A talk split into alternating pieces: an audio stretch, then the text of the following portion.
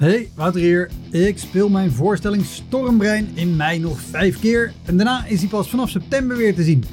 Op 2 mei speel ik hem in de Rijswijkse Schouwburg. Op 10 mei in de stad Schouwburg in Utrecht.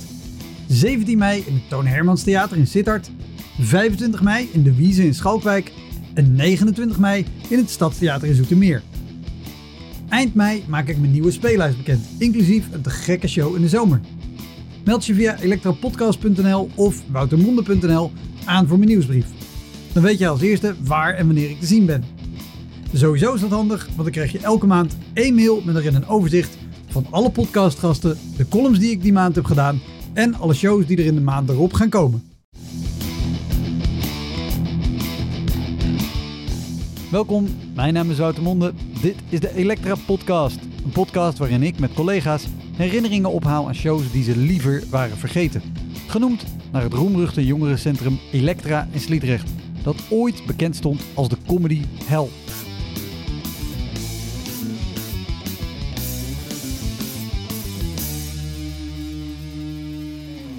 Dit keer is Jan J. Pietersen te gast, de puntdichter. Nee, dus wij komen daar 11 uur. Zoals is nog vrij rustig, weet je wel, eh, in, een, eh, in een Amsterdamse kroeg. De serveerster komt en we bestellen en Maarten neemt een biertje. En ik neem een koffie verkeerd. Dus we praten, praten, praten. Uh, de serveerster komt weer. Maarten neemt een biertje, want het was op. En ik neem een koffie verkeerd, ook op. Serveerster komt, biertje, koffie verkeerd.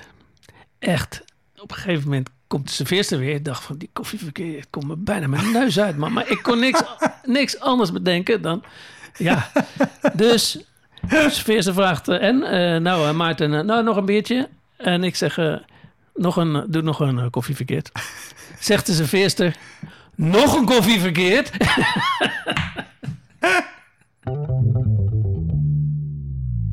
Jan presenteerde 30 jaar lang de cabaret Stafette. Schreef talloze dichtbundels met korte, grappige gedichten. En hij maakt samen met Frank van Pamelen, die andere puntdichter, verschillende voorstellingen die nog altijd door het hele land te zien zijn. Jan was ook regelmatig te gast op radio en op tv en hij kwam ook al even voorbij in de aflevering met Jack Spijkerman. Mocht je die nog niet hebben geluisterd, doe dat dan na deze aflevering, want die was echt te gek. Heel veel plezier. Dit is de Elektra Podcast met Jan J. Pietersen.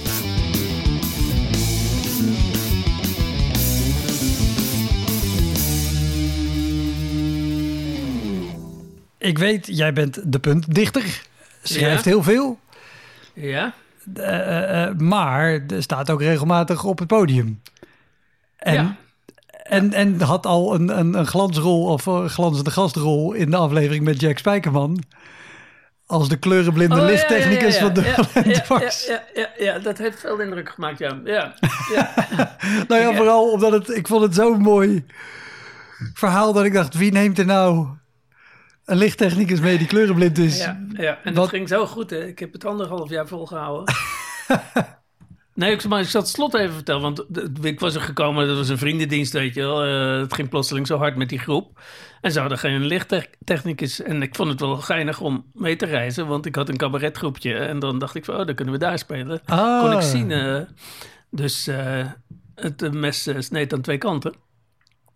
Maar dat, eh, ja, ik was inderdaad uh, kleurenblind, maar al die uh, dingen die hebben een filter. Hè? Al, of al die filters hebben een nummer. Nummer, Zo ja. moet ik het zeggen.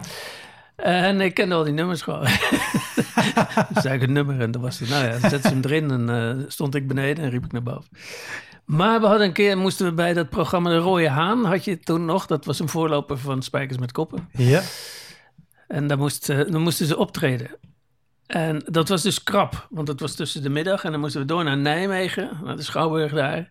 En dat was een beetje gehaast, dus we kwamen naar binnen. Het toneelmeester stond al klaar van, nou kom maar op jongens. En uh, dus wij naar binnen en uh, hij gaat die, uh, die, die, die, brug op en hij zegt, nou, welke kleur wil je daar hebben? Nou, ik zeg nummer die en die. Nou, zegt hij, we werken niet met nummers. Oh, ik zeg, nou dan, uh, dan moet ik je even wat uitleggen. en toen is het uh, uitgekomen, zeg maar. Oh, ook een beetje van, uh, wat doe je nou moeilijk? En, dus dat was de, Ja, dat was de. Nou ja, maar toen was het ook zo van die groep die ging zo goed lopen. Van, ik, ik ben, was helemaal geen licht denk ik. Ik wist het programma en ik wist eh, hoe je dat, eh, hoe je dat eh, moest doen met zo'n klein kastje. Maar toen- in Nijmegen was al een computer, weet je wel. Dus dat was allemaal. eh, toen hebben ze gewoon een professionele Ja, ja, ja, licht, ja. eh, lichtman, eh, Jan Sol. Die, die, eh, die heeft heel lang bij Bellevue gewerkt, misschien nog wel. Maar eh, dat was dus einde, ja, lichtman carrière. Eh, ja, ja, ja, ja. Maar je had zelf ook al een uh, cabaret op ja, daarnaast, ik was met cabaret bezig. Wij, eh, wij deden ook dat jaar mee met eh kameretten. Ja, het Dus festival. stonden we in de finale eh, gestaan. Met eh, mensen die inmiddels ook in Haarlem wonen. Erna Sassen en eh, Pieter Tidders. En, en wij waren in die finale gekomen. Nou ja, daar hadden we helemaal niet op gerekend. Want eh, wij dachten, eh, eh, het was een beetje een intiem programma ook. Hè? Dus eh, met muziek en eh, verhaaltjes en liedjes. Maar in die kleine zaal, dat was in de Waag in eh, Delft. Ja. Het was nog in Delft toen. Hè? Ja, Dat was in, eh, nog de echt het, oude kameretten. Oude kameretten nog, ja. En toen, eh, ja, dat ging wel, dat ging heel goed, want het was een klein zaaltje en dat, ja, het publiek om je heen. En dat was precies waar wij goed gedijden. Nou, naar de finale, en dat was ja, de grote zaal van de aula. Ik dacht 1200 of 1500 mensen of zo, zoiets. Heel groot podium. Dus wij verdwaalden totaal. we hadden als eerste gespeeld en toen zagen we Erna Sassen opkomen met een collectebus. En die ging de zaal in en, dat, en die hele zaal deinde. Toen dachten we van, oh, oké, nou, dat wordt wel duidelijk. als, we, als we derde worden, doen we het goed. en eh, Pieter ging ook hartstikke goed. Iets eh, ingetogen, maar hij ging ook hartstikke goed. Dus eh, daar hadden we wel vrede mee. Geen Ja. problemen mee. Maar ehm, dat dubbelend was, daar heb ik later nog eens... eh, want je wilde anekdotes die niet goed gingen. En dit is een hele rare anekdote die wel goed ging... maar dat de mensen dachten dat het niet goed ging. Ehm dubbelend was, was alweer met een nieuw programma bezig. En toen, onverwacht, kon de lichtman niet. En ik had toevallig het programma wel gezien al. Twee keer of zo. En ik vind het leuk om naar de jongens te kijken, weet je wel. Dat is een vriendenclubje, dus eh, ik vond het leuk om af en toe eens te kijken. Dus ik kende dat programma wel. Dus toen belde Arie weer, Arie van der Wulp van eh Dubbelend was. Van ja, zou je willen spelen in de, in de Zaanse Schans speelden ze. Dat was een soort theater. Ja. En eh, wil je daar invallen? Nou ja, ik zeg, is goed, maar het is wel spannend, want ik zit niet in het ritme natuurlijk. Maar goed, ik doe dat. Dus ik erheen en de, de lichttafel die staat in de zaal, dus tussen de mensen. Ja. En Jack begint het programma met alvast mij te bedanken dat ik op het laatste moment kon invallen. Dus dat was heel aardig. Mensen alvast klappen. Ik had al applaus binnen voordat ik begonnen was. en er zat een scène in. Dat was als grap bedoeld. Dan ging het spotje aan op bijvoorbeeld Arie. En die stond zijn viool nog uit te pakken. En dan ging het eh, spotje naar Joop. En die stond nog een beetje... Oh, en die stond... Ja. Dus ze schreef, nou, dat was de grap. En eh, ik, had die, ik had dat goed ingestudeerd. Dus ik wist precies wanneer ik fout dat licht aan moest zetten, weet je wel. dus we kwamen bij die scène. En, eh en Harry nog eh, met de viool bezig en Joop zo. en de mensen naar mij kijken van... Oh, ging zo goed tot nu toe. dat, je, dat je haast de neiging om te zeggen... Ja, maar het hoort zo, weet je. Ik heb hier heel erg mijn best op gedaan. Ja, precies. Dus dat was Dublin was. Dat was eh, het begin. Maar Ja, toen ja. zijn we zelf... eh, toen zijn we zelf gaan toeren met Wat, eh, wat, hoe heet jouw groep? Façade. Façade. En we waren met drie mensen. Een eh, pianist en ook een, eh, een meisje toen. Dat zong en eh, gitaar speelde en ook wel piano. Maar we hadden een pianist. En ik heb toevallig van de week weer eh, met hem afgesproken na lange tijd. Eh, Peter Beemsterboer. En die begeleidde operazangeressen en zo. Dus die zat in een heel andere hoek. Maar die Ja. vond het wel leuk om het cabaretjes te doen. Maar het even een, een tijdje vrij. Of, eh. Maar die, eh, die maakte zulke moeilijke nummers. Dat- om te zingen, weet je wel. Ja, eh, hij was niet anders gewend. Ja. Dus wij stonden als een gek te tellen. Moest dan op een kwart maat, weet je wel. Van, oh man, we stonden... Ja, dat was geen gezicht om ons te zien. Want we, stonden, we waren totaal met publiek bezig of wat dan ook. Nee, alleen maar om juist in te vallen. Zeg. Dus dat was, eh, dat was heel moeilijk om... eh, en nu zien we, hij is gewoon in die klassieke muziek verder gegaan. Ja. En Marjan, die speelde wat meer cabaretachtig. Dus dat was wat makkelijker om, eh, om eh, Ja. En is het, is dan ook wel misgegaan? Je zegt, wij stonden heel hard te tellen om maar goed in te... Nou ja, maar het was alleen geen gezicht van twee van die mensen die stonden te zingen, maar zo krampachtig. Daar kwam echt niet relaxed over op het publiek. ja, maar wel leuk hoor. En eh, ja, hij was- hij, hij werd eh, helemaal in geprezen joh, bij eh Kameretten. Peter. Van, eh, maar ja, het was ook, fant- hij speelde fantastisch. En af en toe zaten er ook, eh, hij deed ook een nummer zelf. Nou ja, dat was subliem. Ja, Ja, maar ja, goed. Het is. eh, ik heb hem van de week nog gesproken. En, eh, we hebben nog een, eh, een cd'tje ervan.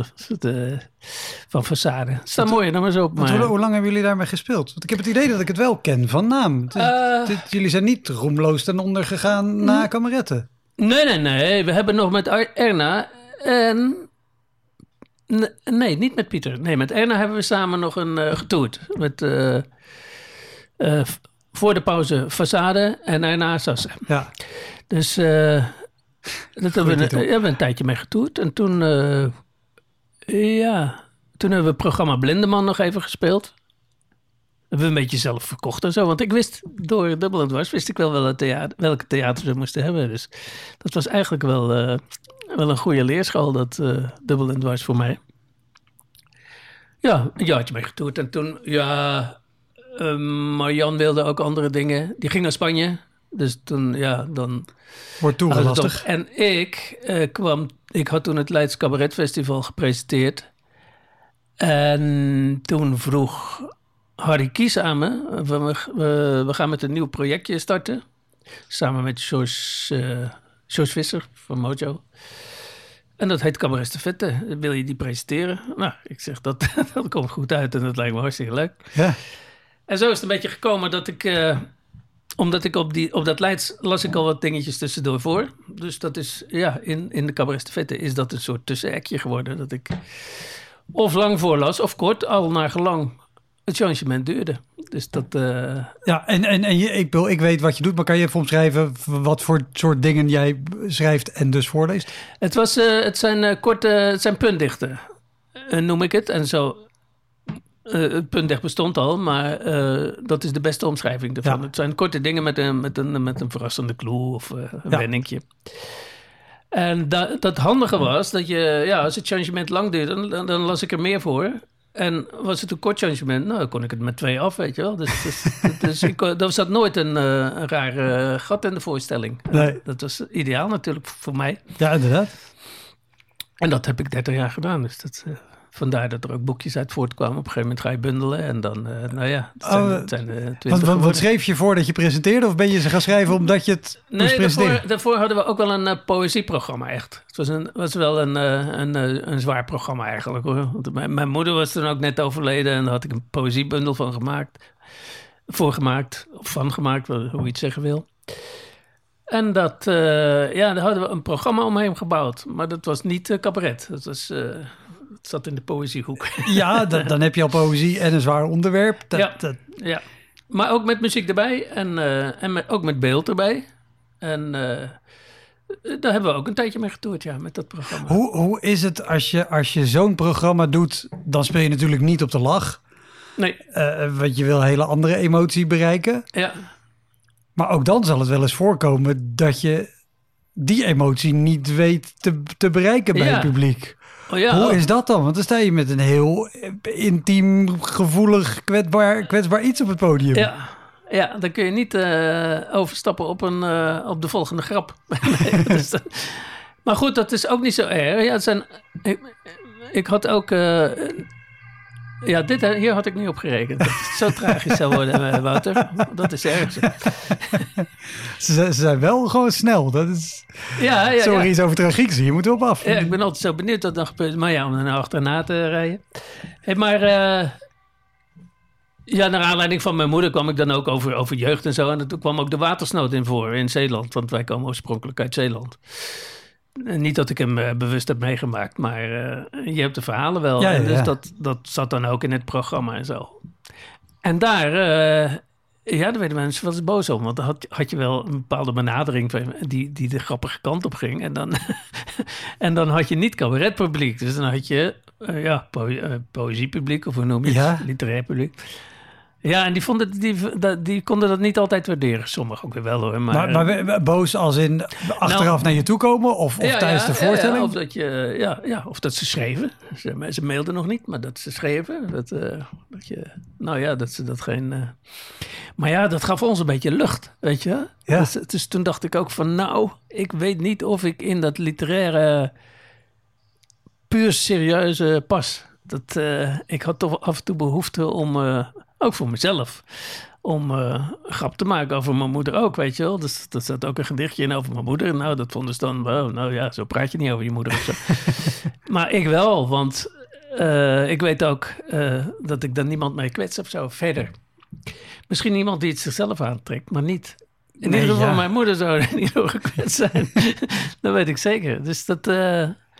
dus toen was ik blij eigenlijk dat ik in die, in die, in die cabarethoek een beetje kwam. Dat je, dat je een beetje grappigere dingen kon eh, schrijven. Ja, En ik ben natuurlijk nooit een stand-upper geweest of zo. Maar eh, ja, de dingetjes waren toch wel om te lachen in de cabaret Cabaret dacht ik niet van ja, ik ga niet eh, gedichten over mijn moeder voorlezen. Nee, want dan komen nee, die mensen helemaal niet En, voor. en, en even tussendoor, voor de duidelijkheid, ik weet wat het is, maar de Cabaret Stafette is een tour elk jaar met, met winnaars van, eh, of finalisten van een aantal festivals of Ja. andere eh, jonge talenten. is een Ja. samenwerking van een aantal impresariaten. Nou ja, eh, Ja. Toen nog Harry Kies, nu, nu Bunker Theaterzaken en George Visser van Mojo en anderen. Ja. En dat gaat langs allemaal theaters, drie artiesten op een avond. Drie op een avond, twee voor de pauze, één daarna. En dat, eh, die formule hebben we dan in het begin een beetje uitgeprobeerd. Wat werkt het best? Dat bleek gewoon het beste werken. Twee voor de pauze, één daarna. En die daarna, die, was dan, die zat dan iets langer in het vak. Ja. Of, eh daar moesten we ook aan sleutelen. Want we zaten toch om de zoveel tijd bij elkaar. Van, werkt het nog? Zit de avond goed in elkaar? Eh, want soms ging iemand... Maakte het veel sneller voor, vorderingen dan een ander. Dus dan dacht ik, oh, die twee die moet je even omwisselen.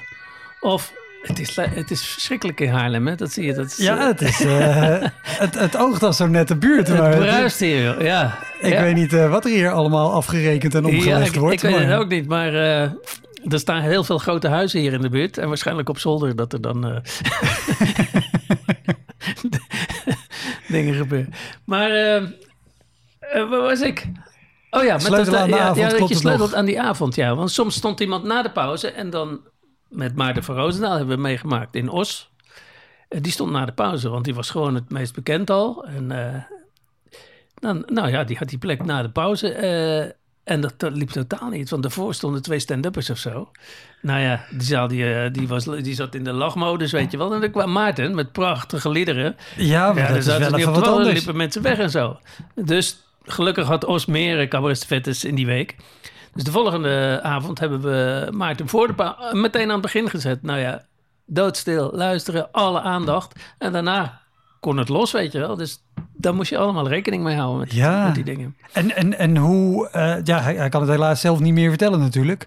Hoe, hoe reageerde Maarten op mensen die, die dan teleurgesteld of boos nou ja, wegliepen? Maarten was, zat, was toen ook begonnen, net begonnen. Dus, dus ja, die was er ook een beetje van eh, verbaasd over. En, eh, maar die was het er daarom ook wel helemaal mee eens. Van nou Maarten, in het programma, het heeft niks te maken met beter. Of eh, het heeft puur te maken met het genre wat je, Ja. wat je hebt. En nou ja, in een combinatieavond past dat daar veel beter. Nou ja, de volgende avond bleek dat gewoon. Dus, Ja, dat is duidelijk. want dat is wel het toffe. Je hebt, je hebt 30 jaar de cabaret vette gedaan, zei je. Ja, Dan, en de cabaret vette komt volgens mij ook zo'n beetje in, in elk theater. Of is denk ik in 30 jaar ja, wel in- ja, er overal geweest. Ja, we zijn eigenlijk wel in alle grote theaters, hè? want in de kleine theaters speelden ze meestal al. Dus het was echt om een kennis te maken met de grote zalen. Ja. Dus die stonden plotseling, eh, eh, ja, soms voor 800 man in Nijmegen of zo. Dat, eh, dat- en dat hadden ze alleen natuurlijk in die, in, in die fase van die carrière helemaal niet gered. Er zijn er een paar. Hans Theeuwen heeft er heel kort in gezeten, want die ging als een speer meteen. Mark-Marie Huibrechts heeft er helemaal niet in gezeten, geloof ik. Die stond wel op de, affiche, op, de affiches, maar eh, hij eh, ja, ging al zo snel dat hij gewoon geen tijd meer had voor de cabaret vet. gewoon avondvullend op zaal wel vol. Dat, daar zijn er ook een paar van eh, die, die gewoon die cabaret vetten doorheen, waar ze doorheen geschoten zijn. Maar eh, ja, sommigen ook die er vier jaar in zaten. Die, die dobberden lekker mee. En eh, ja, dat was voor, voor die optredens... eh, een gunstige aanvulling, zeg maar. Ja. En waardoor ze in de kleine zaal ook weer wat extra publiek Ja. trokken. En, en, en, en zijn, er, zijn er plekken in die 30 jaar... Want je doet het nu niet meer, hè? Of wel? Nee, nee. ik heb het 30 jaar gedaan, een jaar of vijf geleden of zo. Vier, vijf, zes misschien wel. Geleden ben ik gestopt. Dus, eh, Wat zijn, zijn er plekken waarvan je nu denkt... Oh, wat heerlijk dat ik daar nu niet meer heen hoef. nee, eigenlijk niet. Dat is, want dat zat ik te denken toen jij zei van eh, slechte ervaringen. Maar met cabaret vette. Misschien ook omdat al dat de goede theaters zijn waar alles gewoon loopt. Ja, En- natuurlijk. Je kwam, dat zijn professionele theaters. Dan kom je binnen en is alles geregeld, weet je wel. Dus je zat niet met eh, dat je zelf nog op moest bouwen of zo. Nee, dat was allemaal eh, Ja. dik in orde. Ik weet niet of het nu nog zo is. Ik geloof het niet. Maar eh, had iedere, iedere, iedereen die optrad, die had ook een eigen technicus mee, weet je. Dus, dus, daar dus het was een hartstikke leuke club. Want er was de techniek van theater, de techniek van cabaret de vette, de presentatie. En eh, nou ja, vooraf was het vaak eh, samen eten. Dus het was een hele grote, Ja, ja, ja. grote club, ja. Maar echt vervelende zalen zaten daar, vind ik niet bij. Er zijn wel dingen gebeurd. Er zijn wel dingen gebeurd, zoals met, eh, met Micha Wertheim in Roermond. Dat was natuurlijk niet leuk. Oh, was dat onderdeel van de cabaret Dat was? Cabaret de Vette, ja. Ja. Ah, ja. kan, kan, kan je het kort samenvatten? Ik ken het verhaal, Ja, maar... nou ja, dat was eh, een totaal misverstand. Eh Ja. Micha die, eh, die ging zijn... Die moest dus een stukje uit zijn programma, want dat was soms wel moeilijk. Mensen moesten een stukje uit hun programma spelen. En ja, dan is het moeilijk kiezen. En dan is ook de, de, de lijn er een beetje uit. Maar goed, de meeste mensen wisten dat wel op te lossen. En dus zo ook eh Micha, die speelde een stukje uit zijn programma. En die dacht dat hij iemand, eh, dat hij een telefoontje zag oplichten. Ja. Dus daar maakte hij een grap over. Maar dat bleek iemand te zijn in zo'n eh, rolstoel. Iemand die echt, ja, met zijn handen nog op dingen kan bewegen, maar verder in zo'n eh, rolstoel Ja. zit. En er zaten meer mensen eh, trouwens op die rij, maar dat had Micha niet gezien. Dus die maakte daar een grap over. En er was iemand die was daar beledigd over. En dat werd een beetje van, eh, liepen mensen weg. En eh, ja, uiteindelijk liep, liep echt bijna de halve zaal weg. Dat is, eh, dus toen, maar we zijn wel doorgegaan toen. En eh, het kwam... Ja, nu weet ik weer. Het kwam omdat eh Micha had in zijn, eh, zijn avondvullende voorstelling... had hij een stukje over gehandicapten. Dus toen hij dat gezien had, dat het een, een, eh, niet een telefoon was... maar een man in zo'n rolstoel waar zo'n lichtje in brandde... Ja. Toen dacht hij van, oh, ik heb nog een stukje over gehandicapten... en dan maak ik het daar goed mee. Maar dat, dat, maar dat maakt het eigenlijk alleen maar erger. Want die mensen dachten, hij gaat er nog op door ook, weet je wel. Dus nou, man, het, het was niet... eh, het was... En ik stond met de technicus Hans. Hans Verbiezen stond ik in de coulissen. Want wanneer grijp je in? Ja. Dat is natuurlijk hartstikke moeilijk. Wanneer eh, ga je ingrijpen? Dus wij dachten van, ja, kijken of hij het zelf eh, oplost en zo. Toen riep er iemand uit de zaal... Of toen, toen zei hij tegen de zaal van... ja, want hij merkte al van de sfeer was er totaal uit. En hij zei, zal ik nou doorgaan? En toen zei iemand uit de zaal, heel aardig, zei van, nou Micham, volgens mij kun je beter stoppen. En toen zei hij, oké, dan, dan, dan, dan stop ik. Dus toen, toen kon ik op en dan afkondigen en even uitleggen dat het heel vervelend eh, is, zoiets en zo. Maar ik vond het heel goed van, van diegene uit de zaal. Die zei niet van, nou stop of zo. Nee, maar die zei, ja, heel vriendelijk een advies. Van, eh, nou, volgens mij kun je beter stoppen. Nou, dat, dat Micha op en die is toen het podium Oh, afgestapt. wat goed. Ja. En Maar- achteraf, toen, want we hadden altijd de finale, iedereen kwam nog even op en zo. En toen is eh, Jan Dino nog even naar voren gestapt. En die heeft uitgelegd dat je, dat je als cabaretier heel naakt op het podium staat. En dat je soms, nou, dat er iets fout kan gaan in de communicatie en zo. Dus dat nou, daar krijg je ook nog applausje voor. Oh, wat goed. Ja, ja, dus het is eigenlijk goed afgelopen. Maar ja, dat was een rare reactie van Roermond, geloof ik. Dat ze, oh, die komt hier nooit meer in en zo, dat soort... eh, Ja, ik weet dat de, de directrice had heel fel gereageerd, maar die bleek ook niet aanwezig te zijn Precies. geweest bij de Ja, show. En dat ja. is in de media een groot... En dat was meteen eh, in het nieuws. Ja, het werd opgeblazen, verschrikkelijk. Ja. Want het was, eigenlijk was het al opgelost. Eh, die avond zelf al. Ja. En, maar daar kwam een ontzettende staart achteraan. En, eh, Maar ook voor jou, want jij bent daar als presentator. Ik presenteer ook vaak shows. Je ziet dat gebeuren. Nee, je staat in de coulissen al met de vraag... ja, moet ik. gaan we ingrijpen, ja of nee? Maar ook... eh, Was hij de afsluiter of kwam er nog iemand daarna? Nee, er kwam nog iemand na. Ja, ja, want Jan Dino zat na de pauze. Ja, want dan is het dus ook nog aan jou om dat weer recht te trekken Ja. naar, naar gewoon een beetje neutraal niveau. Hoe sta Ja. jij dan aan de zijkant? Nou ja, je kan het altijd weer wel, want er zijn mensen weggelopen. Dus dat was een heel... Het is ook een vrij grote Die zaal. hoef je hè. niet meer mee te Nee, geven, ja. precies. Dus ja, dan, dan, dan probeer je voorzichtig of je kan zeggen dat, dat we nou onder ons zijn of zo, weet je wel. Nou, dan merk je een beetje, nou, dan komt het weer een beetje los. En, en verder die avond liep het ook weer wel. Want de mensen die ze, ja, beledigd waren, die waren weg. Dus Ja. dat, eh, en die waren misschien hun geld aan het terugvragen, maar die, daar had je geen, eh, die zaten niet meer in de zaal in ieder geval. Maar dat was eh, in de cabaret Vette een, een, gewoon een nare incident. Vervelend voor iedereen eigenlijk. Ja. Dus, eh, en, nie- en niemand schuldig ook. Want je kan niet zeggen... je moet grappen over iets kunnen maken. Nou, dan vergis je je of je weet niet wat er gebeurt. Nou ja, zeker als het. Zeker als het is omdat je denkt dat het iemand met een telefoonschermpje is. En Ja, je ziet ja, gewoon, natuurlijk. en dat kan je vanaf het podium ook vaak Dat niet kun je zien. vaak niet zien. Nee, die zaal die is... eh, zeker bij grote zalen. In kleine zalen heb je nog wel eens dat je overzicht hebt. Maar grote zalen is gewoon een donker gat natuurlijk. Ja. Waar je voor speelt. En heb, heb je het sowieso wel eens eh, gehad, dat, weet je, als je kijkt naar, naar de rol van presentator, je kan het soms zo treffen dat mensen denken, nou, al die acts tussendoor, die vinden we hartstikke leuk. Maar die vent die het presenteert, daar zijn we wel klaar Die moet weg. nee, want ik heb... eh, nou ja, ik had het laatst over dat... eh, waarom dat presenteren wel eh, een goede vorm was, voor mij ook. Omdat het ging niet om mij.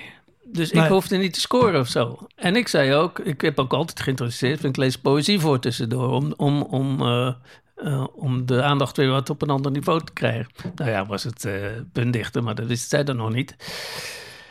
Dus eh, ik, ik zat nooit in een concurrentiepositie binnen dat... eh, Nee, op die manier. want ik Ja. heb inderdaad wel eens cabaretiers... Nou, bijvoorbeeld Waardenberg en de Jong. Hartstikke leuke groep. Ja, Ging als een speer. Maar ze hebben een keer op het lijst gepresenteerd. Die presentatie duurde een half uur of zo, weet je wel. Ja, dan, dan, eh, dan is het uit balans. Ja. En dan moet er nog iemand na. Nou ja, het is niet te doen. maar maar was het niet te doen voor Waardenberg en de Jong? nee, voor, die mensen de- die daarna moeten. Dat, eh, maar dat hebben ze zelf ook een keer meegemaakt. Eh, met Amstelveen. Die wilde in plaats van drie groepen in de cabaretstafette... wilden ze altijd vier groepen. Twee na de pauze ook. Nou ja, dat hebben ze ook een keer geweten. Want toen hadden ze na de pauze hadden ze een hele sterke bezetting... met eerst eh, Bert Visser en dan Waardenberg en de Jong. Nou, Hallo. nou, toen, toen is het denk ik een van de weinige keren dat Waardenberger en de Jong eh, hun programma, eh, dat, dat ze geen reacties kregen vrijwel. Want die mensen waren helemaal kapot. Die hadden net Bert Visser gehad. Ja, Die wilden wel lachen, maar die konden helemaal niet meer. en, en die hadden daarvoor ook al een eerste helft gehad. En een eerste helft gehad. Dus dat, dat was too much. Ja, oh, maar ook Bert Visser en Waardenberg en de Jong in één helft. Ja, dat is dat is... te gek. En we, maar- ha- we hadden gewaarschuwd hoor, maar ja, ze wilden het. Dus, eh. maar goed, daarom, die cabaret Vette, dat was een. Eh, dat zat altijd goed in elkaar. En daar hadden we eh, eens in de zoveel tijd overleg. En dan zaten we inderdaad te puzzelen van kan die nog of gaat, hoe gaat die en hoe gaat die bij jou? Want op een gegeven moment gingen, gingen meer mensen presenteren, Monique Brouwer. Dus eh, dan kon je informeren, hoe gaat het bij jou? Hoe gaat die bij jou? Nou, die gaat, Ja. ja. ja, die gaat wat minder snel dan die bijvoorbeeld. Nou, dus dan moet je die omdraaien. Of, nou ja. In het begin waren mensen wel eens beledigd die optraden. Van, eh, en ik stond na de pauze, nu moet ik ervoor, weet je. ja, maar goed. Ja, Voor de avond was dat beter, ja. En voor de artiest zelf ook uiteindelijk. Want als je na de pauze staat en je hebt veel minder reactie, dan, eh, dan is het voor jou ook niet leuk. is, is ook niet lekker. nee, maar ja, dat, is- het is natuurlijk ook een ego-ding. Tuurlijk. eh, Met je- waar sta je, ja of nee? Ja, als je op een podium staat, dan heb je ego, toch? Of niet? Ja, of, meer- of in ieder geval op dat moment. mate, maar je hebt het wel. Ja. Z- Zijn er bij die, bij die ook wel eens dingen gewoon... Het zijn goede theaters, maar ook daar kan wel technisch natuurlijk iets misgaan. Ja, maar daar liepen toch... eh, We hadden, we hadden sowieso zelf al goede technici. En ja, die theaters die waren ook hartstikke professioneel. Dus die vonden het ook altijd wel leuk. Want het was dus voor, voor die mensen ook een... eh, voor die technici van het theater het ook wel een spannende voorstelling. En die zagen ook eh, drie jonge of nieuwe cabaretiers. Dus die vonden dat... Die waren altijd zeer... eh, Ja. ja. er zat wel eens een uitzondering tussen, maar... Die waren toch altijd wel geïnteresseerd in wat er nu weer kwam, weet je wel? Dus, Ja. Want niet iets wat ze al lang kenden. En, nee, het was allemaal nieuw voor iedereen. Ja, ik heb wel een heel vervelende ervaring met de cabaret Vette. Was dat ook? En ook dat uh, lag aan niemand. Ik weet niet meer waar het was. Ik dacht Winterswijk of zoiets. Maar daar wil ik vanaf zijn. Maar ik begon uh, met de opening van de avond. En op een gegeven moment stapt er een man naar voren. En die zegt: Ik ken jou van televisie. Nou, had ik toevallig iets opgenomen in een programma waar ik in zat. En, maar dat was nog niet uitgezonden. Dus ik dacht van... Hoe dan? Ja. dit is een, uh, dit is een uh, Jomande-achtige man. maar... Uh, uh, nee, zei hij. Zei, en hij kwam ook naar het podium gelopen. Het was ook een vrij hoog podium, dus hij ging er ook op leunen. Hij zegt, uh, ja, ik ken jou van televisie. Nou ja, ik zeg dat, uh, ja, het lijkt me sterk hoor, maar misschien vergist u zich. Nou ja, je houdt het natuurlijk zo beleefd mogelijk. Dus op een gegeven moment zeg ik ook van, maar als het niet erg vindt, dan gaan we nu verder. Nou, toen schuifelde die een beetje naar de zijkant en zo, dus ik hield hem wel in de gaten. Nou, gingen we spelen. En de eerste groep die speelde was Magnolia. Dat was uh, een, uh, een, damesgroep, misschien ken je hem nog. Uh, met Monique Brouwer, die zat daar toen in. Ja. En ehm, Mirjam Oldenhaven, die later is gaan schrijven. Mees Kees onder andere. Ja, ik wou zeggen, bekende naam. Mijn, ja. mijn dochter is groot Mees Kees. Dat is best, ja. ja. Die kent het wel.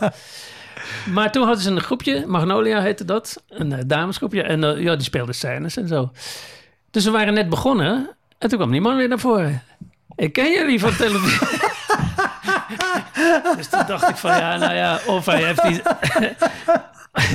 of hij heeft uh, hiervoor wat gedronken of wat dan ook. Maar er is iets aan de hand wat niet klopt. En Mirjam zei toen ook van, uh, nou, die legde het ook stil, weet je, het was heel, bij mij was het niet zo hinderlijk, omdat ik, nou ja, ik praat wel met die man. Ja. Dat kon in mijn positie.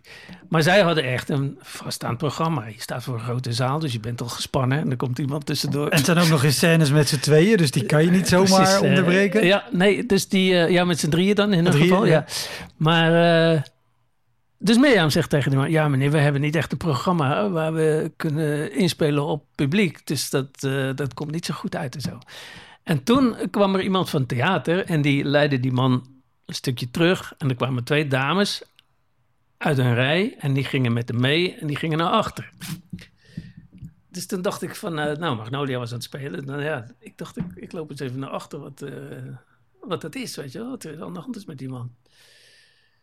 Dus toen kwam ik in die foyer en nou, die dames huilen, huilen, huilen, huilen. Wat is er aan de hand hier, jongens? Uh, nou, het bleek dat die man, die had, uh, was uh, een tijdje ervoor al een, een tumor geconstateerd in zijn hersens. En toen hadden ze gezegd in het ziekenhuis van nou, het kan zijn dat die dan plotseling groeit en dingen gaat raken en dat die verward raakt. Nou, dat was gebeurd in het theater. Die mensen, die dames hadden het ook nog nooit meegemaakt. Zijn vrouw was erbij en een zus of zo. Die hadden het ook nog nooit meegemaakt. Dus die wisten ook niet wat ze moesten doen, weet je wel. Dus dat was het tragiek. Ja, wat uh, heftig. Ja, daar was, uh, daar was ik zelf eigenlijk de hele avond een beetje van verslag. Want dan ga je denken van, moet je het uitleggen? Ik dacht van, ja, ik ga niks uitleggen. Nee, ja, dan leg je ook dat het hele gevoel bij de zaal neer, ja, zeg maar. Ja, terwijl ik me kan voorstellen dat de mensen wel benieuwd waren. Wel, wat was er met die man, weet je wel? Dus, uh, ja, ja, ja. Maar ja, dus, dus, uh, ja dat, was, dat was een heel nare ervaring. Maar om die reden, ja. Ja. Ja. Wauw. Ja. Zijn, zijn er minder heftig dan dit, hoop ik?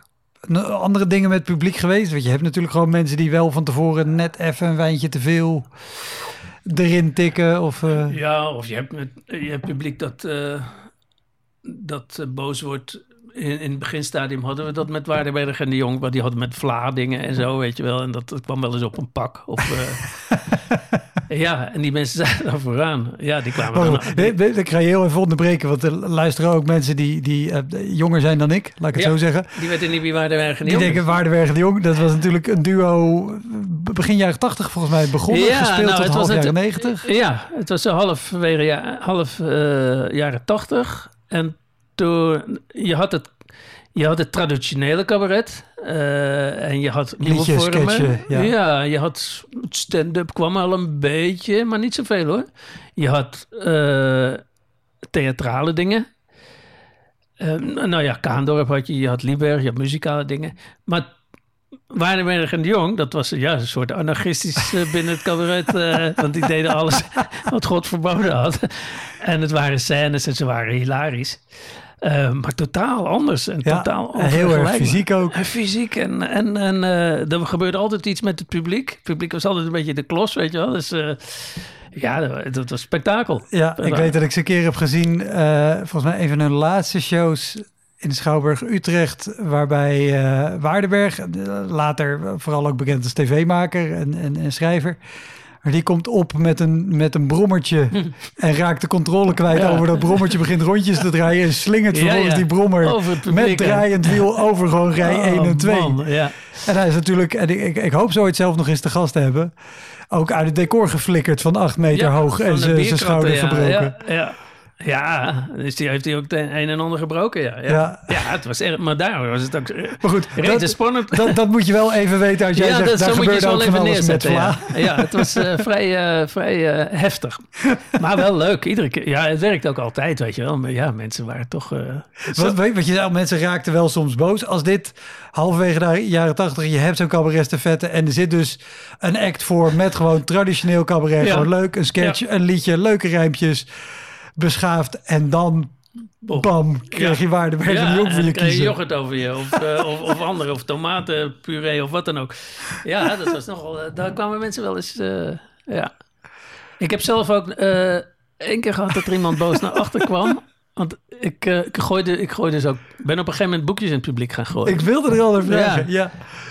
Goed, het kwam, het, kwam, nou, het kwam een beetje doordat, doordat mensen altijd achteraf vroegen van... ja, zijn dat je eigen dingen of zo? Toen dacht ik van, nou, wacht eens.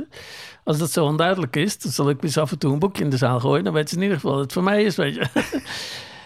nou ja, dat is uitgegroeid dat eh, als je ergens niet kwam... dat ze erom gingen roepen van, eh, eh, wordt het niet gegooid, weet je.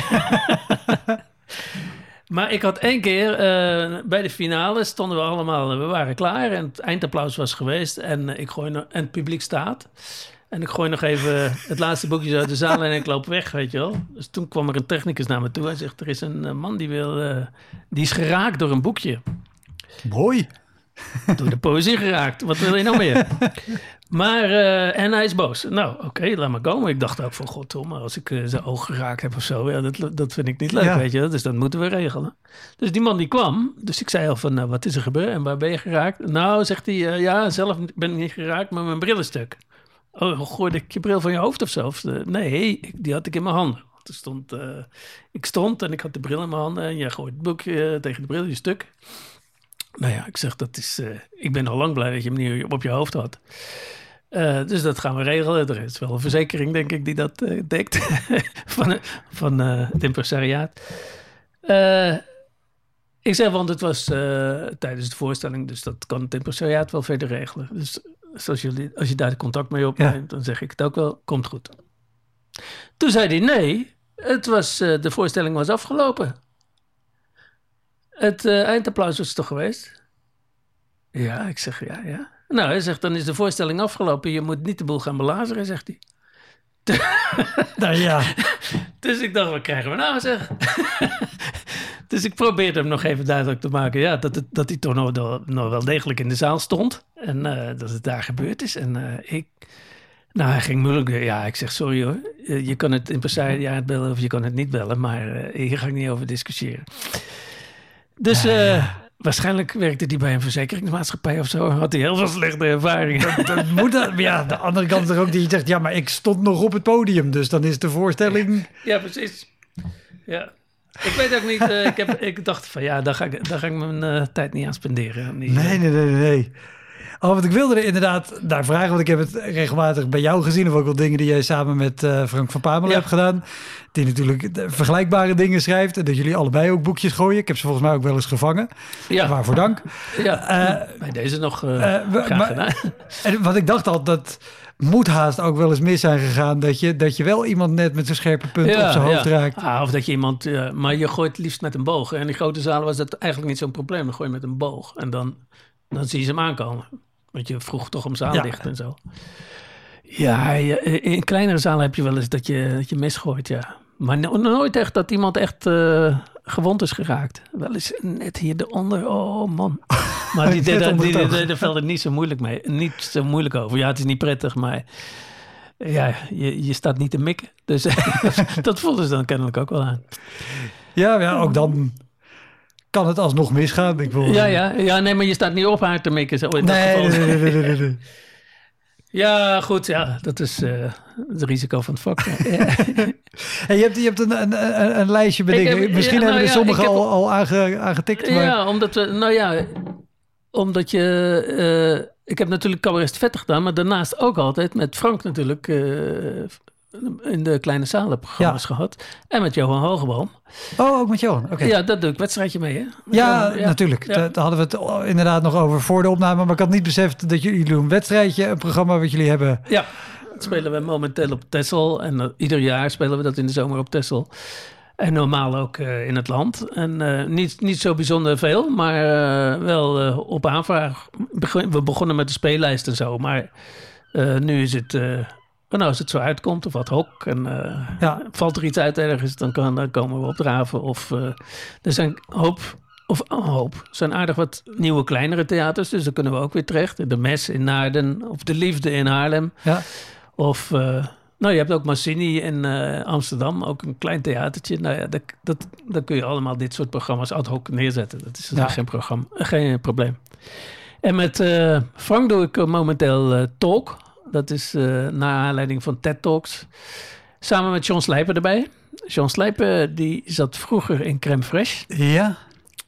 En die... ehm, die Nou, ja, die, cabaret, cabaretgezelschap, jaren 80, ja, 90. ja, Toch? die waren ook... eh, die gingen heel goed ook. Ja. En ook heel geschikt voor eh, bedrijven en zo. Dat, is, dat konden ze ook. dus die hebben heel lekker gespeeld lang. En John die kwam een keer bij ons kijken en toen wilde hij wel een beetje de regie gaan doen. Nou, dat is go- goed. Wij waren niet te regisseren, maar dat, dat wist hij niet. dus, op, dus op een gegeven moment kwam het erop van ja, dan zat hij in die zaal en toen verga- wij vergaten ook als tijdens het repeteren of, of rep, repeteerden ook niet zoveel, omdat dat kon ook niet. Eh, omdat het toch ook al, een- al veel impro- improvisatie is. dus dan vergaten we af en toe dat John op die tribune... Oh ja, dus dan hoorden we... Oh ja, John, ja, ja. John, wat vind je ervan? En, eh, maar ja, toen heeft John eh, iets eh, gezegd van... Ja, ik kan er beter op het podium komen. Ze denken we ook. Dus eh, toen is hij op het podium gekomen. Is hij gewoon mee gaan spelen. en met een leuke bijdrage. Want hij is muzikaal. Hij heeft liedjes. En, en ook met beeld. En dat is zijn afdeling. En die Oh, en dat Oh, was wel een verrijking voor ons ook. Want Frank en ik waren al een jaar of 15 aan het spelen. Samen. Dus ja, dan ben je toch wel een beetje... Dan is het wel een beetje op in de vorm, zeg Ja. maar. Maar eh, toen John erbij kwam, ja, met Talk is het weer een heel ander, eh, ander iets. En eh, moesten we inderdaad een paar keer repeteren. Dus dat, daar hebben Frank en ik ons bij neergelegd. Dat, dat moet dan maar. Ja, desnoods. Maar de, ja, door die corona is dat steeds opgeschoven. In het begin een maand opschuiven. Nou, weer verzetten. Drie maanden. Nou, op een gegeven moment alles naar 2022. Dat is veilig. Ja. Hopen we. Hopelijk, inderdaad, dat, dat er dan weer Ja. kan. Dus, dus naast Vette altijd een beetje daarmee bezig geweest. En, dat, Ja. eh, en dan heb je natuurlijk ook wel verhalen van, ja, ja. Als je het over Maarten hebt, die, die, die hebben Frank en ik vaak te gast gehad in de Open Dicht Show. Ja, we- eh, Maarten van Roosendaal. Maarten van Roosendaal, ja. sorry, ja, ik moet goed... eh, ja, we, we, we hadden afgelopen week op eh eh Texel hadden we Elke Vierwijzer te gast. Ja, En Elke die heeft een heel programma met ma liederen van Maarten van Roosendaal. ja, ja. ja. Dus eh, toen, ik dat, eh, toen ik daarover begon, want toen las ik ook een, ik had een soort kort verhaaltje over Maarten, wat ik je zo zal, zal vertellen. Maar daar is wel belangrijk dat je weet dat Maarten wel graag een biertje dronk. Eh, dat is geen geheim. Nee, dat zit ook in zijn werk. Ja, maar toen onderbrak Johan mij. Die zei van, je moet het even vertellen. Vertellen, dat weet toch iedereen? Maar ja, net er zaten ook jongeren die wisten, die wisten dat niet. dus je, je veronderstelt eh, wel eens meer kennis bij de mensen. Maar ja, eh, of kennis is het niet. Maar gewoon omdat ze het niet meegemaakt hebben. Die kennen Maarten niet. Dus dat kan. Ja. Dat, eh, daar kun je niks aan doen als je jong bent. Nee, maar die hebben wel heel andere voordelen, die gasten die jong zijn. Dat, dat ook. Of, of, nou ja, bijvoorbeeld als ik kijk naar de mensen die in deze podcast luisteren, de mensen die meer echt op de, op de stand-up comedy zitten, die zullen misschien Maarten van naam kennen, maar ook niet precies, precies. weten wat hij Ja. deed. En dat is natuurlijk ook alweer een aantal jaar overleden. Dus ja, dat, dat speelt precies, ook. eh, ja. ja, het was een geweldige... Het waren niet cabaretliedjes die Maarten bracht natuurlijk. Het, was, het waren verhalen gewoon. ja. En soms zingzeggend. In het begin veel zingzeggend. Later is hij meer gaan zingen. Maar dat is te ver- vergelijken met bijvoorbeeld Comme il faut. Dat duurt een liedje niet eh, drie minuten, maar daar is het een verhaal. Ja. Dan kan het tien minuten duren of zo. Dat heeft Maarten ook. Vandaar dat de avond met Elke... Het was een vrij lange avond. Ze deed een paar nummers van Maarten. Want we kwamen op Maarten, je zei, we hebben hem ook wel eh, eh, een aantal keer te Ja, gast gehad in hebben de Maarten wel te gast gehad in de Open Dichtshow eh, een paar keer. En ik heb hem ook... ja, dat was het. Ik heb... Nee, met die Open Dichtshow was, was het in Griffioen. In Amstelveen. In, Amstelveen. En daar zou die meedoen. Half zeven. En dan eten we vooraf. En dan eh, gaan we, leggen we nog even uit van... nou, zo zit vreemdje in elkaar. En eh, eh, doe ermee wat je wil. Je mag ook inbreken, enzovoort. Maar ehm, half zeven was er geen Maarten. Nou, kwart voor zeven ook niet. Dus toen begon ik een beetje van... Dus ik bellen. En hij zegt... Ja, we zitten net in de taxi naar eh Rufus Wainwright. In Heineken Music of weet ik veel. eh, Zo'n grote, groot theater. Ehm, is het vanavond? Ja, ik zeg, het is vanavond. Oh, zegt hij, ik dacht morgen. Nee, het is eh, vanavond. Zo hoorde ik hem tegen de taxichauffeur zeggen. "Eh, omdraaien, eh, we moeten naar Amstelveen. Even langs mijn huis mijn pak ophalen en dan naar dus die is omgedraaid en pak opgehaald. En die komt net om, voor half negen binnenzetten. Eh weet nog niet wie er in de zaal zit, wat er in de zaal zit. En die gaat meteen het podium op. En eh, hij heeft de papieren bij zich van het programma Wilde, Het Wilde Westen. Dat was Ja. toen een programma, daar ging hij trei houten. Dat was de eerste keer dat hij... Maar die had de papieren meegegist van thuis. En eh, op de piano gezet en uitgelegd. Nou, ik ga Wilde Westen, eerste try-out. Toen pakt hij zijn bril. Hij zegt, leesbril. Hij zegt, eh, leesbrilletje. Erger kan het toch niet worden, hè? Met die stem van hem. Toen hoorden we iemand van de eerste rij piepen. Nou Maarten, eh, het kan best erger hoor. dus wij kijken, zit er een blinde vrouw. Goeie grap meteen van die mevrouw. dus dat was Maarten bij de, bij de, de. Maar ik heb hem ook... eh, ik, ik, schreef, ik schrijf interviews voor Haarlems Dagblad. eh, voor interviews, voor dingen die hier in de buurt komen. Of, Oh, oké. En dat ging, ik ging Maarten om 11 uur interviewen in Amsterdam. Bij een kroeg om de hoek. Bij hem, zo'n Amsterdamse kroeg. Ja. Waar die kennelijk vaker kwam. Want ze kennen hem wel. Dus toen zaten we aan de Is, tafel. is, is dat ook de kroeg waar hij zelfs ook een nummer over heeft? Ik weet dat in een van zijn programma's zit er kunnen, dat weet ik een niet nummer zeker. over, over de kroeg die Ja, het al dan niet bij hem om de hoek eh, zit. Ja, het zou kunnen, ja. Ik kan de titel niet herinneren. Maar goed, het maakt ook niet uit. Nee, dus wij komen daar 11 uur. Het is nog vrij rustig, weet je wel. eh, in, een, eh, in een Amsterdamse kroeg. En eh, de serveerster komt en we bestellen. En Maarten neemt een biertje. En ik neem een koffie verkeerd. Dus we praten, praten, praten. De serveerster komt weer. Maarten neemt een biertje, want het was op. En ik neem een koffie verkeerd, ook op. Volgende serveerster komt. Biertje, koffie verkeerd.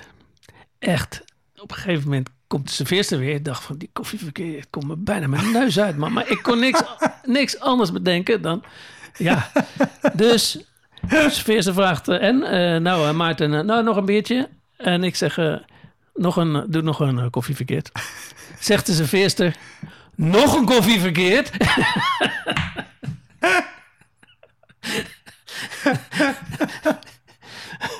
Omgekeerde wereld. Maar een hele lieve man, die Maarten. Hey, Wouter hier. Ik speel mijn voorstelling Stormbrein in mei nog vijf keer. En daarna is hij pas vanaf september weer te zien. Op 2 mei speel ik hem in de Rijswijkse Schouwburg. Op 10 mei in de stad Schouwburg in Utrecht. 17 mei in het Toon Hermans Theater in Sittard, 25 mei in de Wiese in Schalkwijk en 29 mei in het Stadstheater in Zoetermeer. Eind mei maak ik mijn nieuwe speellijst bekend, inclusief een te gekke show in de zomer. Meld je via elektropodcast.nl of woutermonde.nl aan voor mijn nieuwsbrief. Dan weet je als eerste waar en wanneer ik te zien ben. Sowieso is dat handig, want dan krijg je elke maand één mail met erin een overzicht van alle podcastgasten, de columns die ik die maand heb gedaan en alle shows die er in de maand erop gaan komen. Je moet niet teleurgesteld zijn als je je eigen dingetje niet kan doen tijdens het presenteren. Nee. Want eh, ja, soms komt het niet uit. Ik moest ook altijd kijken van wat lees ik voor en wie heb ik en wat voor grappen hebben zij. Want dat ik niet een, een, een, een grap en een gedichtje heb die overeenkomt met iemand. Want anders is het net alsof je er overheen wil. Of Ja, ja, precies. Oh, eh, dus, dat is, dus daar moest je allemaal rekening mee houden. Dus presenteren is op zich een vak.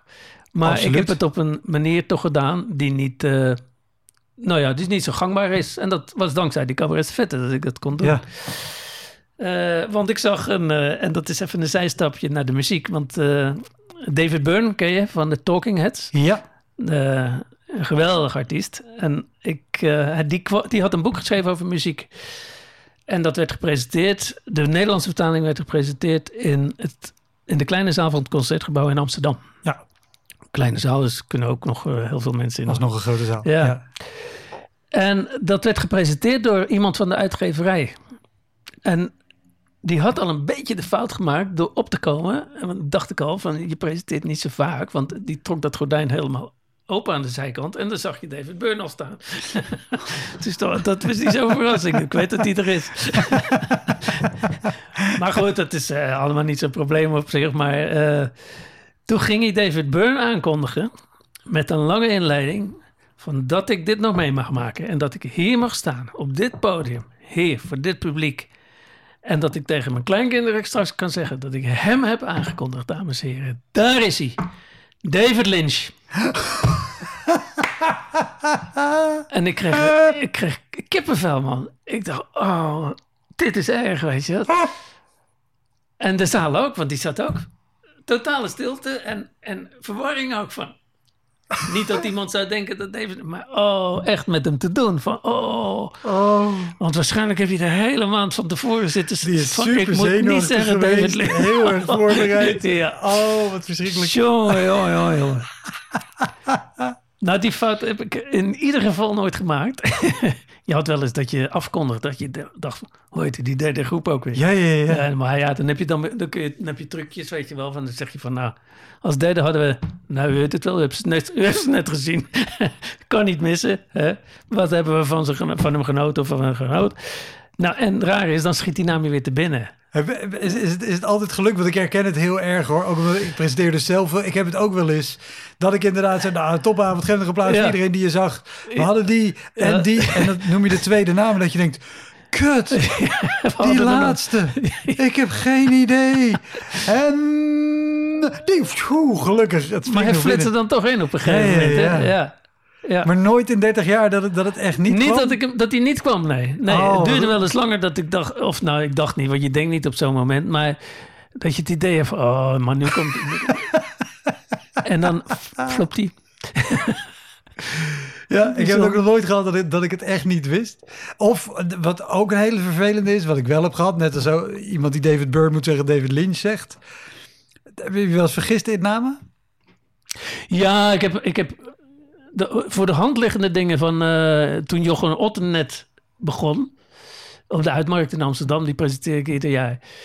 De, en toen was Jochem net begonnen. Nou, er zit toch Jochem Meijer in je hoofd. Ja. Dus dan denk je ook van, oh, over opletten. Eh eh, Jochem Meijer. Shit. maar ik heb nooit fout gemaakt. Die, wie was dat? Ehm, Thijs Maas. Dat Ja. is, eh, de, de cabaretier. eh. Ja, ja, hij is ook- meer de muziek ingegaan. Ja, ik, maar ik wou zeggen, als we het nou hebben over iemand die, die mooie liedjes kan, Nou, kan ja, schrijven. zeker. Ja. ja, maar hij was toen ook eh, net begonnen. Toen werd hij aangekondigd als, of geloof zelfs in een programmaboekje of zo. Maar als Theo Maassen. Dus, dus Dat is kwam, iets er heel kwam- anders. er kwam een hele zaal, die kwam toch op Theo Maas af. Of het kan ook ergens op de uitmarkt geweest zijn dat, die, dat ze dachten van nou, we gaan naar Theo Maas. En dan komt Thijs Maas op. Ja, hij is niet minder of zo. Maar het is wel een ander verwachting. Het is heel iets anders. Ja, ja, ja. ja. Oh, maar bijvoorbeeld met, met zo'n verspreking als Jochen Otten, daar ben ik er wel benieuwd naar. Hoe, hoe loop jij daarna het podium af? Eh, het eh, is een stomme fout die iedereen kan gebeuren. Ja, ik vind, dat, ik vind het wel vervelend. Eh, vooral voor Jochem dan, Ja, ja, ja. eh, eh, in dat geval. Maar ja, het, ja, je kan wel eens een foutje maken, toch? Dat, Nou, dat wel. Maar de reden dat ik het vraag is dat, dat ik het zelf ook wel heb. Zeker bijvoorbeeld bij open mics. Waar ook echt mensen komen die natuurlijk heel erg beginnend zijn. En daar heb ik het wel eens, als ik iemand per ongeluk verkeerd heb aangekondigd. Ja, je maakt wel eens een fout.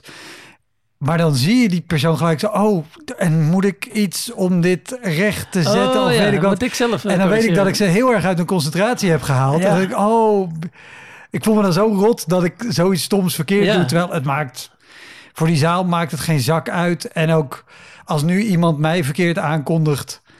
Nou ja, of ik weet dat ik er iets grappigs over moet zeggen. Of Ja. denk, ik hou me Ja, bek. Want het maakt voor die mensen niet uit of ze nou denken dat ik Wouter van der Monde of Wouter Monde ben. Daarom, ja, ja.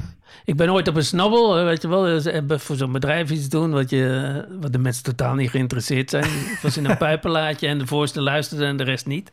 En toen werd ik aangekondigd van ja, we krijgen nu een cabaretier, ik weet niet hoe die heet, maar eh, ja, ik dacht van ja, je had toch, op zijn minst, had toch op zijn minst een naam kunnen verzinnen. En dan kom je gauw op Jan Pietersen toch.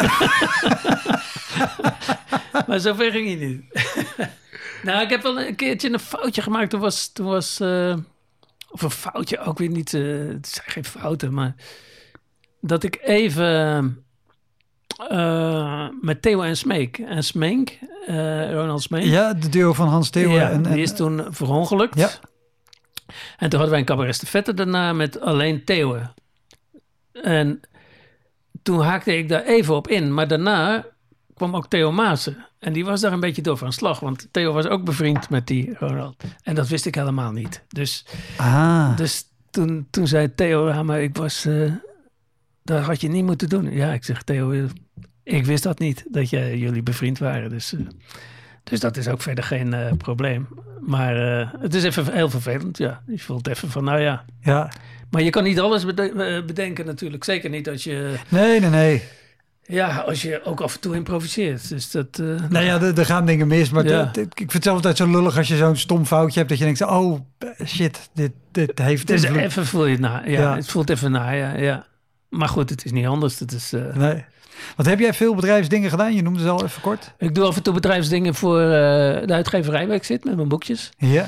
En die combineert het dan vaak met, of althans de laatste tijd natuurlijk ook helemaal niet meer. Maar de combinatie met van, nou ja, als je een optredentje van een half uur of zo. En dan krijgen de mensen na afloop een boekje mee. Dus dan Ja. doet hij die combi. Dus het is voor mij ook weer gunstig dat er wat boekjes verkocht worden. ja, precies. Maar dan- gaat het ook al via de uitgeverij. Dus dan, Ja, dan weten Ze mensen weten, ook al ja, meer... nee, dat wordt eh, van voor besproken. Maar dat is, eh, dus dat soort dingen deed ik wel. Maar dit deed ik voor iemand waar ik dan dat van dat, eh, ik weet niet wie we krijgen. Ja.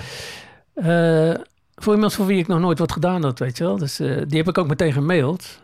En die hebben ook eh, contact opgenomen. En dat, eh, ja, dat de organisatie dat dat wat beter had kunnen doen. Ja, oké. In het begin heb je natuurlijk ook dingetjes dat je, de- dat je met het cabaret toen we begonnen, dat je bloednerveus bent. Dan komen er, want dan komen er 40 mensen. Nou, dan... oh, veel familie en dat soort dingen. Maar toen speelden we in een klein theatertje hier in de buurt. En eh de mensen hadden koffie gehad daarvoor. Dat was op zondagmiddag. Mensen hadden koffie gehad. En wij staan in het keukentje te wachten om op te gaan, weet je wel. Dus, ah, toen zei die, die vrouw die daar de boel leidde, zei van... eh, je- kun, je, kun jij even afdrogen, Jan? Die was met de afwas bezig. dus, dus ik zeg, eh, nou ja, we gaan zo op en zo. Maar toen had ze echt zo'n reactie van... Nou, nou, wat een pretentie, zegt meneer Tjelle. Dat soort dingen maak ik in het begin mee. Of, of dat we in de Egelantier speelden we, en dan stond de piano in de gang. Dus eh, de pianist kwam ook later van ons. Dus toen zeiden we van... eh, ja, eh, wie zet de piano op het podium? Want, eh, Op podium. Ja, maar we kunnen de pianist toch niet in de gang zetten? maar die hadden echt de bellen, oh, die kan wel in de gang spelen. Nou ja. dus dat soort dingetjes maak je in het begin mee. Maar ik eindig straks met uh, mijn moment of fame. Oké. En dat is Carré. Kijk. Cliffhanger. Even kijken, wat is het zijn? Jochem Meijer. Jochem Meijer, die hadden wij een keer bij Cultuur met Mensen Vork in het patronaat. Ja. En die... Uh, en dat was op de avond dat uh, Pim Fortuyn werd vermoord. Oh. Dus dat was nogal wat. Zo'n avond begon, half zeven kwamen de mensen binnen. En rond die tijd was het ook gebeurd. Ja. Dus iedereen was er al. En uh, mensen komen een beetje binnen. En wij hoorden het nieuws. Ja, dat is niet niks natuurlijk. Nee. Dus toen zaten we, ja, wat moeten we nou doen? Moeten we af, afgelasten of wat, wat uh, hoe zit dat? Nooit meegemaakt. En dus eerst maar eens met Jochem praten van, uh, ja, wat wil jij? Dit en dat.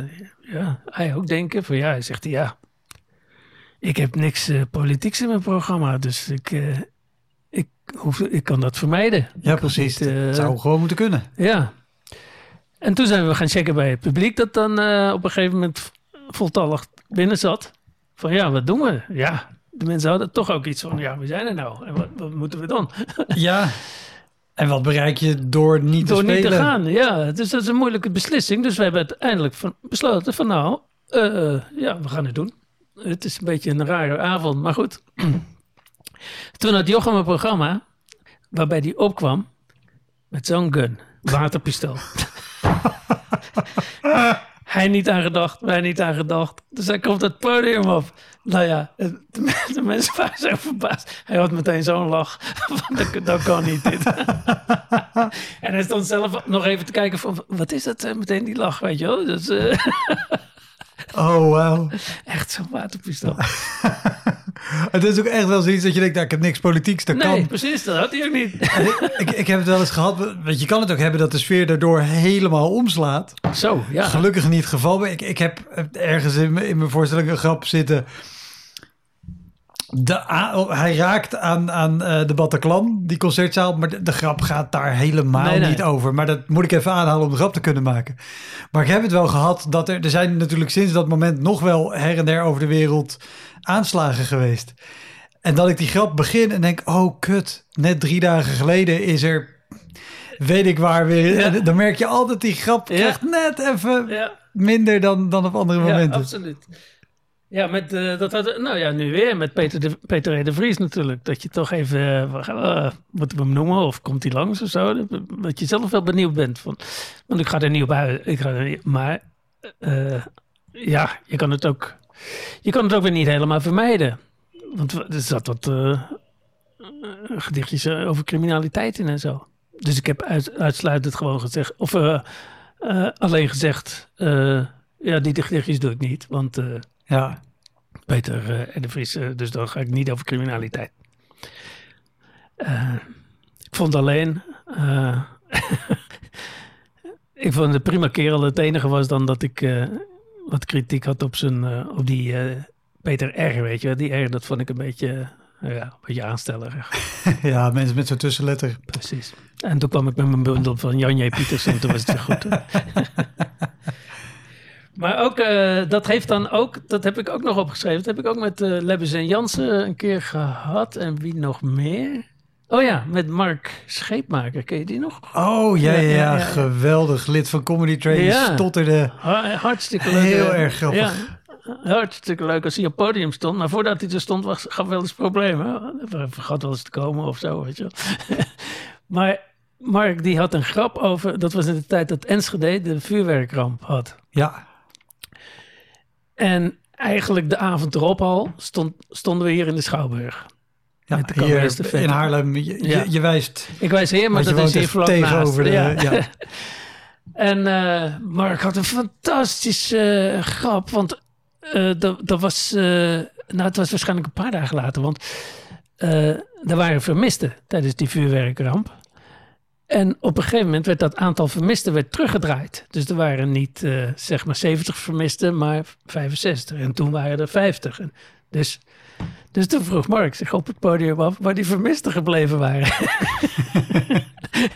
Goeie grap, maar daar eh, zo, dat was te snel op het gebeuren. Ja? Ja mensen, schande, schande. En eh, mensen weglopen. Echt? ja, ja.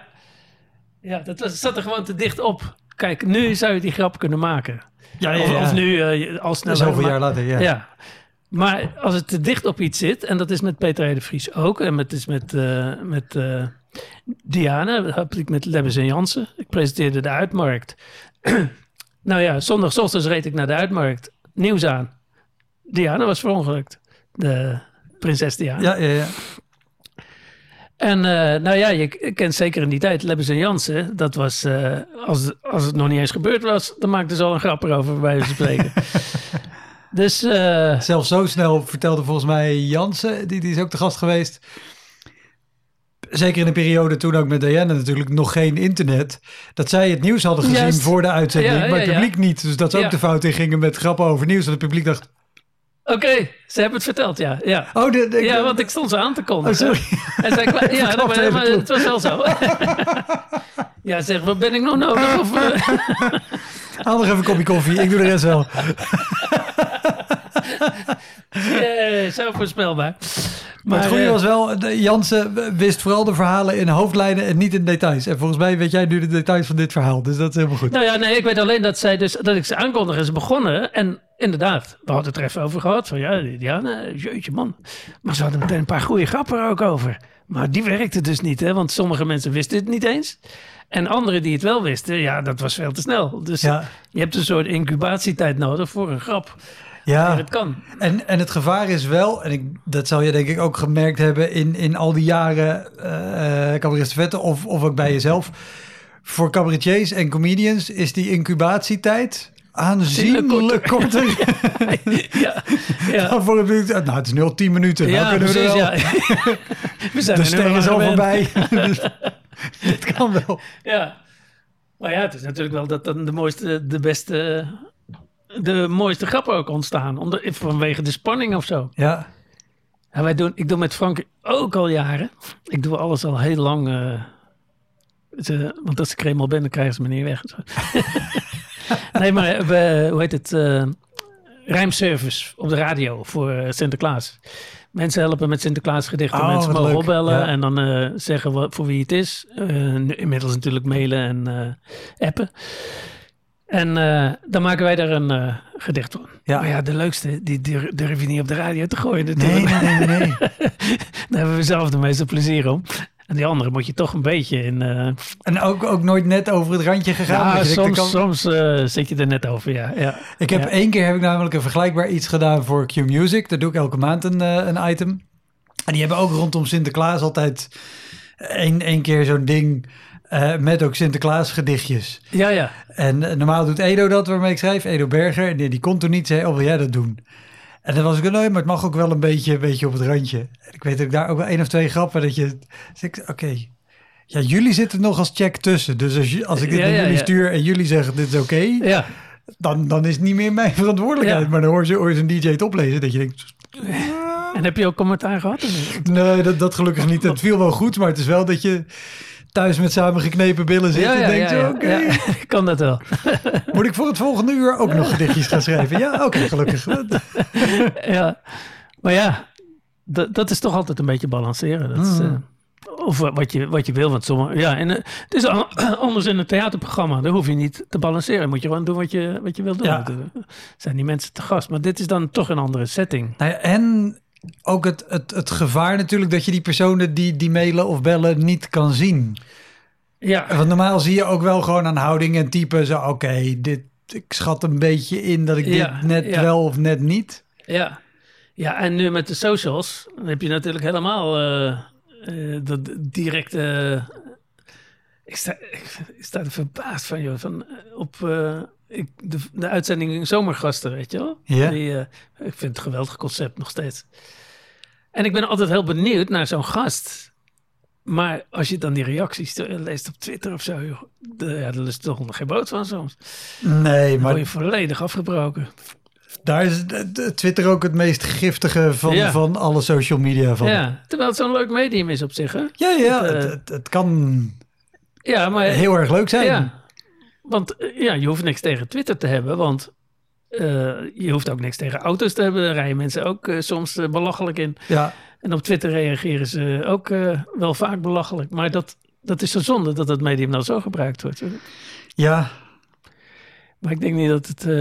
ja, dan wou ik aan jou vragen of je daar wat aan kan doen. Maar dat kan ik ga mensen bellen. Ja, Ik zal eens even kijken nou, wat ik... dan. Even kijken. Eh, ja, eh,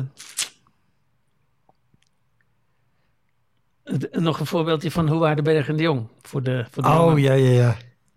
Want we hadden een cabaret in Hoofddorp in het Oude Raadhuis. Ja, Ken je ook? klein theatertje. Ja, klein theatertje, precies. De- ik, ik ben er recent nog geweest om, om gewoon mijn solo te spelen. Ja, Eh, in niet-coronatijd mag er, kan er volgens mij 94 man in of zo. Ja, zoiets, of, hè? de 89. Het, het is echt een heel klein oh ja, en in coronatijd. In coronatijd 26. Oké, En ik had er 24, dus ik was bijna uitverkocht. bijna uitverkocht, man. ja, dat is wel lekker aan corona. Je bent vaak uitverkocht. Precies.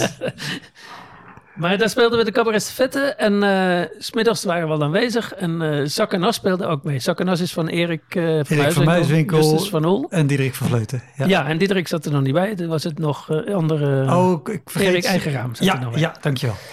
En die... wij zijn... Wij zijn... E- Hij is Justus. Wij zijn Erik, hij is Justus. Of zo heet het programma. maar die, ja, die hadden wat traditioneler cabaretprogramma dan Waardenberg en de Jong. Ja, Maar wij zaten in dat, in, in dat kleine foyertje toen eh, een beetje te overleggen. Want Zakanas had een probleem, want die kon de decor niet kwijt. Nou, oké, overleggen, praten, praten. Jezus ook van, ja, misschien niet spelen. Nou, spelen, nou ja. Dus dat werd nogal... eh, dus op een gegeven moment hoorden wij eh, zagen. Dus toen gingen we eens kijken. Er stond Waardenberg en de Jong. Die hadden ook gezien dat hun decor er niet in paste. Maar die, die stonden er door midden te zagen. Zo kon het ook. nou ja, met Frank heb ik eh, dan nog wel over Sinterklaas. Hadden we net met Frank heb ik nog wel. eh, ehm, hadden we ook altijd een gast. En we hebben Armand ook gehad. Dus liedjeszanger de Armand. ken protestzanger van Ben ik te min. Juist. Ja, Bij eh, het grote joints. dus zo begon het ook in, de, in, de, in de voorstelling. Van de, deed zijn joint tussen, tussen zijn snaren. Maar wij hadden tegen Armand gezegd van nou, dit is het frame van onze voorstelling. En als jij denkt, daar kan ik mooi op ingaan, dan moet je dat zeker doen. Weet je wel? Niet Ja. laat. Dus het was in Papendrecht, in de Willem. Dus eh, wij hadden het, eh, het eerste al over eh, Sinterklaas of zo. Nou, zegt Armand, na, na een half minuut van, daar heb ik ook nog wel wat van. Toen heeft hij een half uur gespeeld. en wij hebben rustig zitten wachten tot, tot ze weer aan de, aan de beurt waren. Later heeft hij nog een keer meegedaan. Dat was in de kop van Noord-Holland, een of ander theatertje, waar ze een bezemkast hadden om je te verkleden. En dat was de enige eh, voorstelling die Frank en ik ooit stoned gedaan hebben. Want Armand stond in de kleedkamer, in de kleedkamer die grote joint te roken. en wij zaten op een gegeven moment echt zo.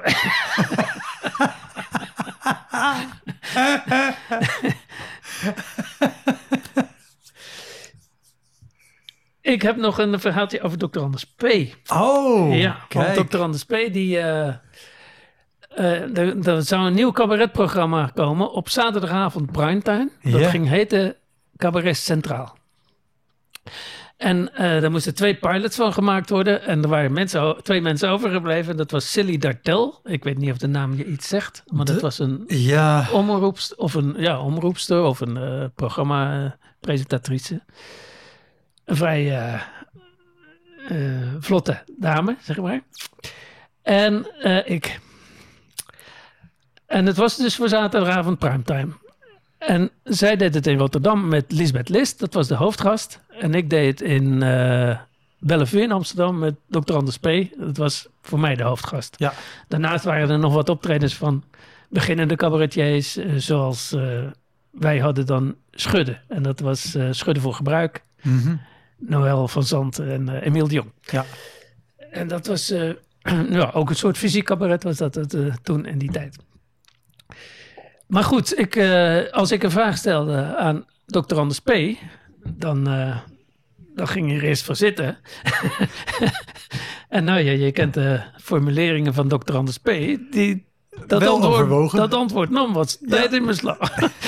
dus ik zat tijdens het eh, luisteren, zat ik altijd denken van nou, prime time, ik weet het niet. Volgens mij word ik hier eh, door de dokter anders eh, op de tweede plek gezet. maar, maar goed, dat, eh, ja, dat is als, ik ben inderdaad ook uh, Silly Dartel is het toen geworden. En dat, daar kon ik me goed mee vinden. Want die mensen gingen nog zitten om het uit te leggen. Ik zeg, hoef je mij niet uit te leggen. ik snap het wel. ik weet wel dat mensen wegzappen bij het eerste antwoord. Maar Schutte speelde dus ook. En die speelde de Kikker Act. Ik weet niet of je die wel eens gezien hebt. Van, uh, nee, zeg Nou, dat gaat over twee kikkers. Puur meme. Maar je ziet die kikkers en die belanden uiteindelijk op een... Die gaan paren en die belanden uiteindelijk op een snelweg. En dan zie je twee grote lichten. Klaar. Ja. Dus de dokter Anders had er ook naar zitten kijken. En die, die stelde de legendarische vraag aan de jongens van... Schrijven jullie al de teksten zelf? ja, we gaan naar uh, Carré. Dat, was, dat, dat is een iets langer verhaal. Dat moet ik even goed uh, uitleggen. Oké. Okay. Ik ben af, vanaf uh, de middelbare school ben ik uh, een bewonderaar van sowieso van de teksten van, van Bob Dylan. Ja. Nou, dat had ik. Dat was in de tijd, dan kon je witte platen kopen. Dat waren illegale bootlegs. Dus opnamen die ergens in een kelder waren opgenomen enzovoort. Dus daar struimde ik Amsterdam voor af. En dus ik had die verzameling witte platen. Dus uh, ik had er een, daar was hij uh, onder een schuilnaam, speelde die. Blind Boy Grunt. Dat was dan Bob Dylan. Dus dat, ik had een bromfiets in die tijd en dan zette ik Blind Boy Grunt op. Dus daar had je ontzettend veel succes mee, want niemand wist wie het was. En jij wel. Uh, zo, zo was ik fan van Bob Dylan. Ja. Nou, dat is, ik ben hem eigenlijk altijd wel blijven volgen. Niet uh, overdreven, ook wel eens wat minder. En, uh, maar ik, blijf, ik was, ben altijd uh, wel bewonderaar van Bob Dylan geweest. Ja.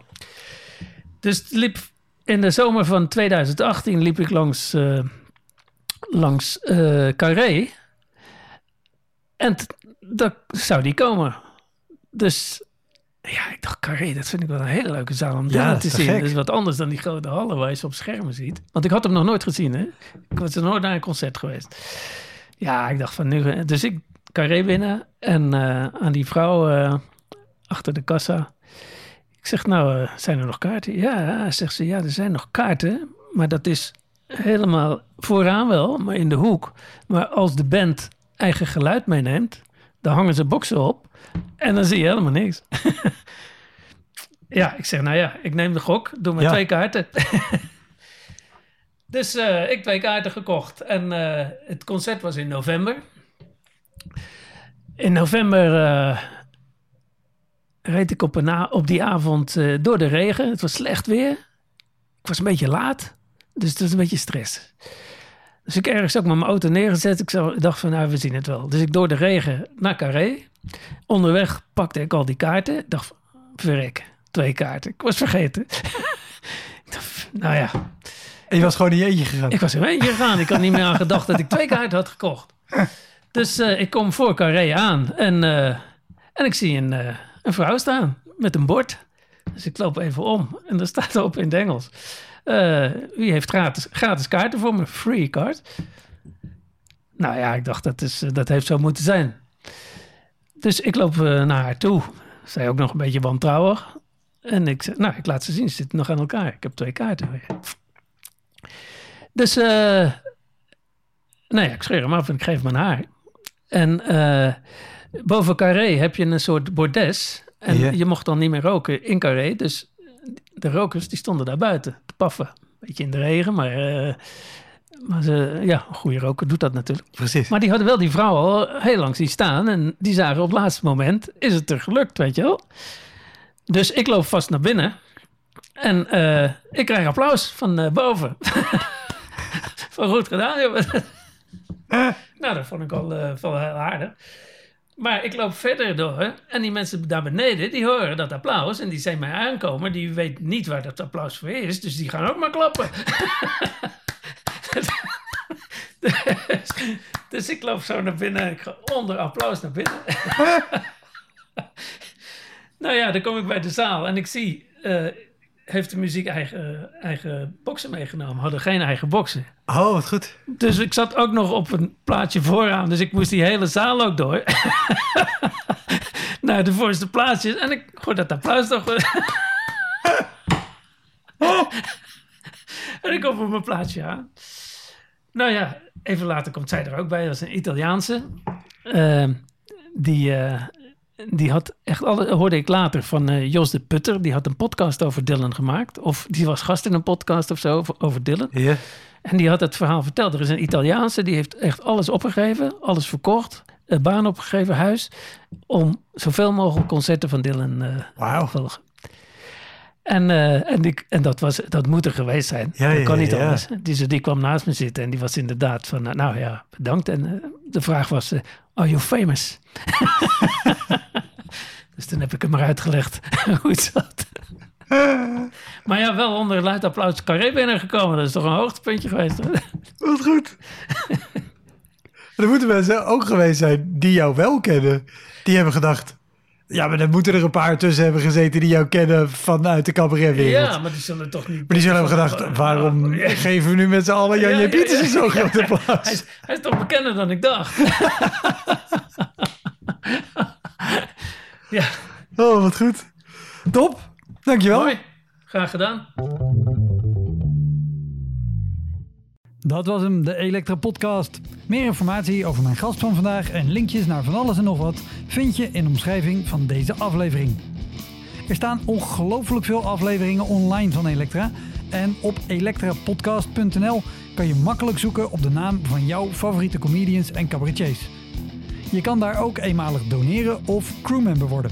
Als crewmember betaal je maandelijks een klein bedrag, maar dan krijg je ook nog eens bonusmateriaal. Je luistert voortaan zonder onderbrekingen en je krijgt consumptiebonnen die je kan inleveren bij een show van mij. Ik vind het sowieso te gek als je een keer komt kijken bij mij. Dus ga naar woutermonde.nl, daar zie je precies waar en wanneer ik optreed. Of meld je aan voor de nieuwsbrief, dan hou ik je op die manier op de hoogte. En dan nog iets, elke vrijdagmorgen doe ik een column op radiostation Kink. Je kan die column terugluisteren als podcast. Hij heet Kink op de Week en je vindt hem in de app waar je ook deze podcast luistert. Oké, tot de volgende Elektra. Hoi!